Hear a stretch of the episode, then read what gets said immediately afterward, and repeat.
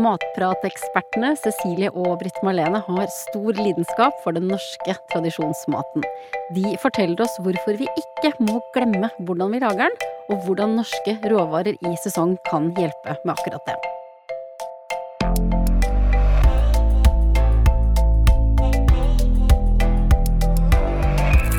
Velkommen til Matpratpodden. Jeg heter Katrine Ude, og sammen med meg er det som vanlig to eksperter fra Matprat i studio. Det er deg, Cecilie Maske, hei. Hei sann. Og så er det deg, Britt Marlene Kaasin. Hei! Hei! Dere to jobber tett sammen på Matpratkjøkkenet, og mellom dere så er det ja, men en hel generasjon. Ja, vi kunne ha vært to mor og datter. Ikke sant? Ja. og så er dere like glad i den tradisjonelle norske Mm. maten. Mm. Hva er det som er essensen da av den norske tradisjonsmaten for dere to? Cecilie, Og deg? Mm, altså, det er jo nesten litt fælt å si det, men det det første som slår meg, og sikkert veldig mange andre, det er jo brunsaus og kokte poteter. Det er det, dessverre. Og det er jo veldig synd, fordi det er jo så utrolig mye annet som, som er den norske tradisjonsmaten. Ikke minst så er det jo den derre evnen til å ta vare på råvarene når det var sesong for det, for å kunne ta det fram eh, seinere. Altså alle disse gamle konserveringsmetodene som sylting og safting, salting, røyking, eh, altså fermentering av alle mulige eh, slag. Det er en eh, kjempekiste med kunnskap som, som ligger der. Og det er jo kanskje litt det som Cecilie er inne på nå, med noe som kanskje definerer oss litt sånn matkulturisk, hvis man skal si det, da. Eller med at vi har Ikke sant, vi kommer fra et sånt langstrekt land med eh, litt sånn Vi har vært et fattig land med Mm. harde kår og fjell og daler og ikke minst et litt sånn tøft klima med lange vintre. Eh, som gjør at eh, mye av tradisjonsretten vår er jo preget av at det er mat som da kanskje konserveres, ikke sant? Enten om man høster eh, det man høster på høsten, for eksempel. Eh, kjøtt som slaktes eh, før vinteren, for man kan jo ikke drive og fòre dyr gjennom hele, hele vinteren, ikke sant? Vi har jo så Mm. ja, lang mørketid. Og eh, masse teknikker som er brukt for å få maten til å vare Mm. gjennom eh, hele året, da. Og så er det jo noen ting med at det er iallfall det som jeg i min generasjon har vokst opp med, som, som vekker minner, dette med tradisjonsmaten. Alle følelsene og nostalgien og så tankene. Altså noen av de første minnene som jeg har, bevisste minnene jeg har, er knytta til mat. En sånn bitte liten Jeg kan huske å gå over kjøkkenet hos farmor. Og at hun hadde kokt mandelpoteter. Jeg husker gulfargen på mandelpotetene. Jeg husker at det Mm. kom, var damp. De dampet, de var glovarme. Og så fikk jeg en sånn potet med sånn her eh, sånn fjellsmør, som når hun skar i det, så var det dråper, ikke sant, det var vann som kom ut av smøret, og det smakte ekstra salt, og den, den kombinasjonen av varme, nykokte mandelpoteter og sånn her saltsmør, det henger i fortsatt i livet mitt. Og det er jo bare bitte, bitte, bitte, bitte lite grann. Og allikevel så var det et så sterkt minne. Og det, og det tenker jeg at det er veldig mye med det, det med Altså, maten vekker minner. Du kan mane fram eh, bilder i hodet når du kjenner lukten av noe spesielt.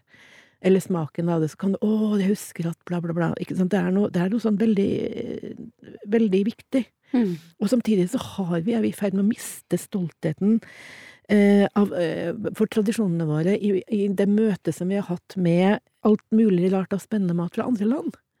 Lapskaus og seibiff og eh, kålutstuing er liksom ganske mye mer sirumpa enn minestronesuppe og Hei, hei, hei! Og det, ja, litt, det er jo litt synd, da. Ikke sant? Det, det Men du mener jo ikke at det er det. Nei, jeg gjør jo ikke det. Slettes ikke. Men samtidig så er det, jo det er ikke noe rart at folk søker til andre og, og mer spennende retter, da. Og det kan jo være litt sånn typisk at man eh, kanskje Sånn måte man definerer kanskje unge, da. Eh, For eksempel at man skal ut i verden og få annen inspirasjon, og skal i hvert fall ikke spise samme som mutter'n gjør, og eh, at man er eh, Visse perioder av livet kanskje definerer deg som at du er mer utforskende, da, og er med på å hente inntrykk Mm. inn. Eh, og det gjør vi jo med mat nå, at vi tar til oss inspirasjon hele tiden. Matkultur er jo ikke statisk heller, det er jo hele tiden i utvikling. Eh, men jeg tror jo at eh, mange har det behov for å til slutt komme litt sånn hjem.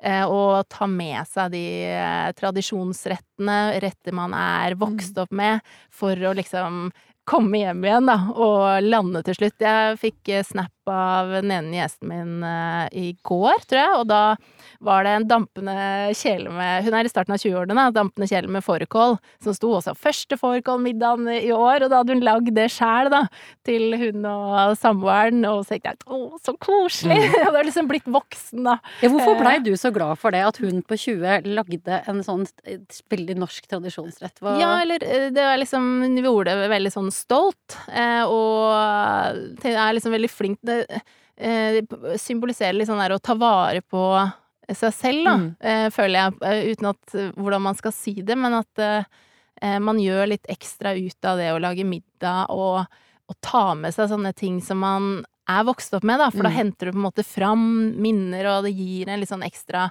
tradisjonsdimensjon, da. Og fårikål er jo en rett som mange nå må ha på høsten. Mm. Og det at eh, de unge tar det med seg videre, er jo veldig sånn hyggelig å se, da. I tillegg til alt annet de koser seg med gjennom dagene, da. Jeg veit at du også er veldig glad i, i, i mammas mat. Mm. Den uh, ville du aldri valgt bort, har du sagt. Nei, jeg sånn, eh, elsker sånne eh, dilemmaer. Eh, og hvis, eh, hvis jeg liksom skal bli spurt om å velge ett kjøkken resten av livet, så må det være mammas. Eller det jeg har vokst opp med, da. For det, det tror jeg hadde blitt så lei meg hvis jeg måtte velge det bort. Uh, uansett hvor glad jeg er i annen eh, mat, så vekker det en helt sånn egen følelse, da. Eh, vi snakka om det når vi kom her i dag, så hadde det allerede vært eh, prat på lunsjen her på, i studio om semulepudding, ikke sant? Og det har jeg også vokst opp med som Mm. eh, dessert, og samboeren min er også innimellom sånn 'Å, kan ikke vi å, kan lage semulepudding, da?' da ble han så glad. Eh, Med rød saus. med rød saus, eller uten. Det kan være begge deler. Jeg har også vokst opp med at det liksom er til rød saus, og at Mm. det serveres som dessert. Og Mm. det er jo så godt å ha på lager. Og jeg tenker hele tiden sånn åh, det må jeg lage oftere. Ja. Og Og det snart skal jeg lage det enda oftere. Og det går ganske fort å lage òg, det er ikke noe vanskelig. Nei, nei, kjempeenkelt. Og du koker det opp og setter det i kjøleskapet, så kan du lage en større bolle som du tar fram som dessert, for eksempel etter middagen Man gjennom ha, bør ha dessert hver dag. Man skal ha litt dessert hver dag. Litt dessert hver dag. Hva tenker dere som er de mest eh, populære tradisjonsrettene vi har da, i Norge? Åh, hjelp. Ja, Vi må jo nevne lapskaus, kanskje, som en ganske sånn eh, tradisjonsrett som også veldig mange lager i dag. Vi ser jo Mm. også veldig mye på hva folk eh, søker på, Mm. og hvilke oppskrifter de bruker inn hos oss, og det er jo en veldig sånn populær rett, da. Jeg skal faktisk lage det til middag i dag. ja, hvor du bruker liksom kokekjøtt, det er norske rotgrønnsaker, og det er veldig sånn smak av den tiden vi er inne i Mm. nå. Mm. Når vi gikk hit i dag, så var det sånn kald, deilig sånn høstsol og litt sånn rim på takene, og bare åh, nå har jeg lyst på noe sånn Ordentlig rykende god. varmende Det er jo norsk comfort food. Mm. Virkelig. Det er en stor skål med lapskaus og tyttebærsyltetøy. Det er altså herlighet. Jeg syns at vi skal ha eh, food trucks som serverer det. Det må jo være helt perfekt å få på vei hjem på en kald høstdag. Eh, Istedenfor kebab. Herregud. Åpne den foodtrucken, så er det en som står skal- først i køen her. jeg, skal, jeg skal åpne foodtrucken, tror jeg. Ja, det Ja. kan du gjøre. Så lapskausen, den er en stayer. Andre Ja, retter, da, som vi Kjøttkake med brun saus, altså det tror jeg er Og, og sånn uh, eh, medisterkake og sånne Ja, ting. for det skal jeg en- si, ja. ja, at det Jeg er vokst opp med det som at kjøttkaker er medisterkaker. Ja. Eh, fra Hadeland og sånt, så er det, det Det er også litt gøy, for det er jo ofte så variasjoner Mm. I, i tradisjoner, at du har ulike spinn, og for meg så er det så kjøttkaker sånne varme, deilige Mm. medisterkaker. Ja, Lammefrikassé på høsten. Mm. Når det ferske lammekjøttet kommer, og så koke en gryte med lammefrikassé. Det er ikke sikkert alle vet hva det er. Hva Nei, er det er, jo, det er jo lammekjøtt som Altså, du kan bruke fårikålkjøtt, faktisk, og koke det til det er helt mørt. Ja, ta av beina, og så lage en saus av kraften. Og så ha i grønnsaker og kjøttet, og servere med varme poteter og bitte lite dryss med persille på toppen. Og så semulepudding til dessert. Britt Marlene, du har gjort litt eh, feltarbeid også på sosiale medier.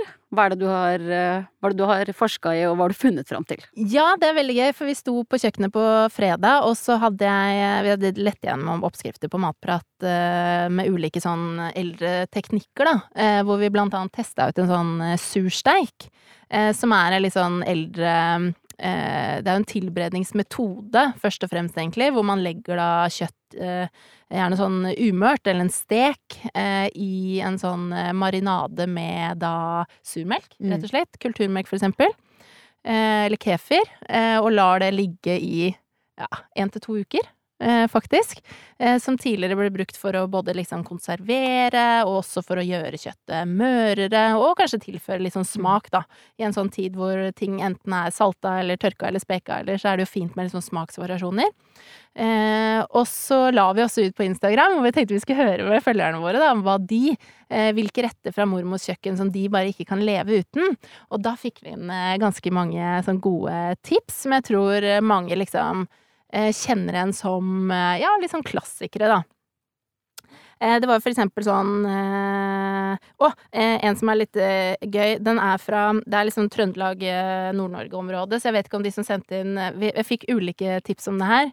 Så hvis eh, Cecilie, om du Mhm. kjenner en les, Hvis jeg leser på trøndersk, da. Eh, Kleppsuppe. Klappsupp, ja. Ja, kleppsupp. Klappsupp. Ja, Ja. fortell hva det er. Det Ja, det kjenner er- du til, gjør du ikke det? Det er en sånn melkesuppe med noen sånn melboller i. Ja, Ja. ja. Eh, litt sånn gode, og så ser det ut som sånn varm, som de har liksom ulike variasjoner på. Som jeg kan se for meg, jeg skjønner veldig godt hvorfor eh, folk eh, eh, liker det. Det blir som sånn tykk pannekakerøre eller liksom sånn melboller, ja, i en sånn deilig saus. Eh, rømmegrøt er det mange som Ja, men det er jo så godt òg, da. Ja, det er jo en klassiker. Eh, og det er jo sånn, eh, fra gammelt av som ble kalt for sånn enten sånn slåttegrøt, Mm. når man var ferdig med slåtten, eller også barselgrøt. Jeg har vært inne i en litt Mm. sånn periode, da, hvor det var vanlig, ikke sant. Når noen fødte, så kom du da med rømmegrøt, for det var ikke sant, feit og godt og ordentlig liksom næringsrikt, da. Og så glir- glir det lett, lett ned. Så det gir lett ned. Ja, og det er jo egentlig sånn tradisjoner som vi kanskje har med oss nå den dag i dag, da. For da, eh, man, eh, når man kommer liksom på barselbesøk, da, som man kaller det, så har man gjerne med seg noe. Ikke sant? Så det kanskje Det er ikke alltid man har med en drømmegrøt men at man gjerne Ta, har gjerne noe. med noe, noe, noe å spise, ja. Ja. Liksom av, eller hjelpe litt til, bidra med noe, om det så er bare et brød, et ferskt brød. Ikke sant? som Ja, kommer man fant med noe. Ja, ja, og Mm. så fant jeg, var det en tråd på sånn, hva er det heter det heter, mammaforum? Mammaforum? Kvinneguiden. Kvinneguiden! Mm. Og da var det sånn tråd som var sånn derre baby shower eller barselgrøt. Hvorfor, og hva velger du, liksom? At det er jo kanskje noe som folk fortsatt lever litt med eh, minner av, da. Eh, og som også fins, da. Ja, i mange versjoner. Et annet tips er jo det her med flesk og duppe, eh, som også eh, jeg tror veldig mange har et forhold til der ute. Jeg har det i hvert fall. Som er jo da, ikke sant, stekt flesk, eh, kokte poteter, sånn deilige, varme kokte poteter som du kan mose ned i en tykk, hvit saus. Mm. Mm. Mm. Njam. Nam, nam. Jeg får masse ekstrapoeng i hvert fall når jeg lager dette hjemme. Også med en kjent eh, norsk filmklassiker, for de som tar den referansen. Tenkte du på Elling, da? Og så er det jo noen ting med sånn flesk og duppe og sånn, du blir, du blir jo sånn her ordentlig, ordentlig mett. Det er en sånn metthet som setter seg sånn godt oppunder solar plexus. En sånn her, sånn her pastamett, hvor du bare må gå og ligge på sofaen etterpå. Mm, det er typisk. Når noe er godt, så bare forspiser man seg, altså. Klart. Og så er det jo hønsefrikassé, bollefrikassé. Vi har fått inn ulike, ulike varianter, da. Eh, Bollefrikassé? Ja, hvor du har eh, ja. Ja, små kjøttboller, for eksempel. Og så, det greia med frikassé er at du har en kraft, og så lager du en, hva skal jeg si, en hvit saus av den kraften. Altså noe som heter en velouté-saus på Mm. fint fransk. Mm. Og det er liksom, da, da, da liksom, da er det smaken av det kjøttet, eller eventuelt fisken som du bruker, som, eh, som bestemmer liksom eh, hva slags, hva slags frikassé det er. Mhm. Frikassé? Er det fransk, liksom? Småfransk. Fornorska Småfransk. fransk. Småfransk. Det er litt Vi sier det er småfransk. Ja, småfransk. Og så er det jo det her med ikke sant, kumle, kompe. Eh, kjært barn har eh, mange navn. Mm. Eh, er jo også veldig sånn klassisk. Det er med eller uten dott. Mm. Er, det, er det raspeballer? Raspeball, ja. Ja. Mm. Er det samme. At man har uh, ulike variasjoner på uh, forskjellige steder. Mm. Eh, jo, og så var det Så fikk vi faktisk et tips fra eh, en som jobber hos oss, filmprodusenten vår Silje. Og hun nevnte morr. Har du hørt om det? Morr, ja, det er pølse. Ja, ja, at det kan være Men det er også en sånn rett fra eh, Lesja-området. Det ble veldig lokalt det her nå. Ja, eller eh, Ikke sant, i hvert fall eh, For hun har familie fra Lesja, og fortalte om liksom Morf. jeg måtte spørre henne om det òg, da. Og blir jo helt sånn eh, tårevåt på en måte i øynene nesten, for det var noe som hennes bestemor derfra alltid lagde. Eh, og det var visst en sånn rett som eh, At det er på en måte hakka kjøtt. Eh, Som er stekt i en gryte, og så vendes det gjerne inn løk og potet mens det er glovarmt. Og eh, jeg fant en sånn oppskrift som er sendt inn av Lesja bygdekvinnelag. For det er jo også så kult, ikke sant. Vi har jo masse bygdekvinnelag som, som tar vare på sånne veldig lokale Mm. tradisjonsretter rundt omkring i landet. Og de skrev da at eh, For dette var sånn typisk sånn slaktemat som ble lagd liksom eh, i forbindelse med slakt. Og at den gjeveste slaktematen var morr, og lenge var dette den eneste måten å hakke kjøtt. Eh, at sånn hakka kjøtt ble brukt som varmmat, da. Eh, og det sies at morr var det beste en kunne få. Og det var jo da vår Silje veldig enig i, og ja, måten hun på en måte eh, når, du, når du ser at folk prater om tradisjonsmat, eller mat de har fått hjemmefra, fra mormor, fra besteforeldre, Mm. så blir det gjerne litt sånn emosjonelle. Eh, og det er jo kanskje noe av det som vi liksom får gjennom sånn å bevare matkultur og mattradisjoner, at vi får en følelse av de som har vært før oss, da. Eh, Mm. ja. Men disse eh, bygdekvinnelagskvinnene, ja. har de kommet seg på Instagram, sånn som disse gamle bestemødrene i Italia? Disse pasta, pasta nannies, grannies? Det burde de jo. Det burde de jo absolutt. Ja. Det burde vi. Hører dere? Hører dere oss? Hører dere på? Det er iallfall Norsk Bondekvinnelag, eller Norsk Bygdekvinnelag, har iallfall en egen eh, side på, på internett med masse forskjellige lokale oppskrifter, som er kjempe, kjempebra. Litt Hva, reklame for dem. Ja. Mm. hva er det vi mister eh, hvis eh, mormor eller oldemors eh, kjøkken går i glemmeboka? Oh, vi, åh, vi mister jo iallfall veldig mye av kulturhistorien vår. Eh, jeg tror det er Altså, mat er veldig, veldig nært knytta til, til kultur og, kulturhistorien vår. Eh, og vi mister nærheten til maten og forståelsen for hvor maten kommer fra. Også kunnskap om hvordan, hvordan rettene lages, og hvordan, hvordan råvarene blir tatt vare på. Og så må vi ikke selvfølgelig ikke glemme det at vi har jo fått inspirasjon fra hele verden i ja, alltid. Altså det har vært ut, utveksling av mattradisjoner og kunnskap, og ikke minst at vi har tatt inn andre smaker til Norge, og urter og krydder og sånne ting som er det, som vi har bakt inn i og sakte, men sikkert gjort til en del av vår mattradisjon og matkulturarv også. Selv nasjonalretten vår fårikål er jo opprinnelig fra et annet land. Så altså, herlighet, vi, vi, vi mister veldig mye, men må ikke, vi må ikke glemme at vi også at vi får noen ting. At ting er under utvikling hele tida. Det, liksom, det, det er ikke svart og hvitt. Det er ikke, det er ikke at vi skal bare spise mat fra utlandet, men vi må, bare, vi må passe på, vi må hegne litt om Verne litt om den, den norske maten og den norske matkulturen.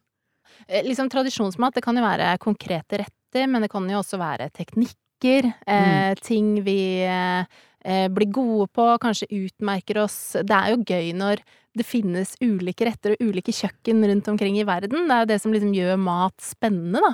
At man kan reise et sted og så åh, hva kan jeg smake på her? Eh, kommer du hit, så kanskje du smaker på eh, pinnekjøtt. Eh, Rakerett? Rutefisk? Rakerett, eh, ikke sant? At det er Åh, wow! Eh, spennende. Pølsebrød. brød? Pølse i brød er jo en klassiker. At man, man kan reise rundt og oppleve mat. Da. Torsketunger når du er i Tromsø, ikke sant. At, at um, det er mat som også reflekterer de omgivelsene man har rundt seg. De eh, råvarene man har, eh, den, det klimaet. Og, og maten vår kommer jo til å være i endring sikkert framover òg. Mm. Vi har jo tilgang på eh, masse forskjellige matvarer hele tiden. Vi kommer kanskje til å dyrke eh, Kanskje kommer en ny grønnsak som blir supernorsk eh, senere. Og at vi, at vi tar med oss kanskje da eh, teknikker da, som gjør at vi forvalter den maten vi har nå til enhver tid, og at vi kanskje folk blir litt mer sånn opptatt av å følge sesongen og ta vare på maten og bli interessert i mat, da. Men samtidig så er det jo et langt stykke igjen å ha den samme stoltheten over den norske kultur, matkulturarven som de har i Italia, for eksempel. Mm. Så der, der er også må vi, vi Vi må bare fortsette å dyrke fram den stoltheten av råvarene våre og maten og, og de produktene vi lager. Altså se på altså norsk osteproduksjon, for eksempel, hvordan den har utvikla seg de siste årene, og hvordan, hvordan, hvor flinke vi har blitt til å lage fantastiske oster. Eh, som hevder seg som ute i hevder verden. Seg, ja, Mhm. absolutt. Og det er jo én måte å løfte fram stolthet på, eh, som jeg syns er kjempeviktig. Poteten har jo vært kjempeviktig i, i Norge. Mm. Eh, Den er ikke så viktig lenger. Eller hva, hva skjer med poteten? Vil den overleve? Ah, Ja, overleve vil den nok helt sikkert, men potetblåforbruket i Norge har jo falt dramatisk de siste årene, spesielt blant unge. Og kokte poteter er jo helt ut. Det spiser man ikke. Chips og pommes frites og sånn, det er jo fortsatt kjempepopulært, men det er jo den måten man får i seg poteter på, da. Det er jo synd. Før så var jo potet fast inventar på middagsbordet. Altså hadde du spagetti til middag, så hadde du selvfølgelig poteter ved siden av. Det syns jeg er så rart. Ja, ja, men det var sånn. Du måtte ha Ja, potet for at potet. det skulle være Ja, ja, ja. middag. Ja, ja, ja. Um, men poteten er jo Altså, det, finnes jo ikke en råvare omtrent som er mer eh, allsidig enn poteten. Kan du bruke den til alt, og til, til alle mulige slags måltider. Og, og så mange ulike potetslag det finnes også, så man må liksom eh, ikke bare velge den ene potetsorten i butikkene, men iallfall passe på at man velger norske poteter, og bruke poteter mer i hverdagen. Vi har jo lagd en hel podkast om poteten. Ja. Ja, det var det vi drev og lurte på her i stad. Mm, ja. har vi laget podkast om Ja. potet? Ja, vi kan godt lage en til, syns jeg. Jeg syns potet er så godt. Ja, potet er fantastisk. Altså, det er jo helt eh, en fantastisk eh, grønnsak som vi absolutt må bruke mer. kan jo være at den kan få en liten sånn comeback òg, og det er jo Jeg tror liksom det er veldig sjelden jeg møter folk som ikke liker potet. Det er veldig spesielt.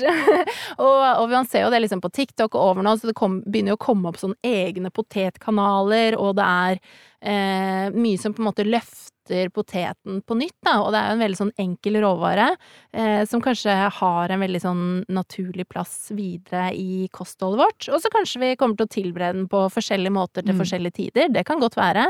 Eh, Den kan jo varieres i det uendelige, men eh, det kan jo også være til eh, inspirasjon. Vi eh, har jo vært involvert i Bocuse eh, her i Norge nå Mm. eh, i år, med liksom Årets kokk, og jeg har hatt en egen podkast på det tidligere.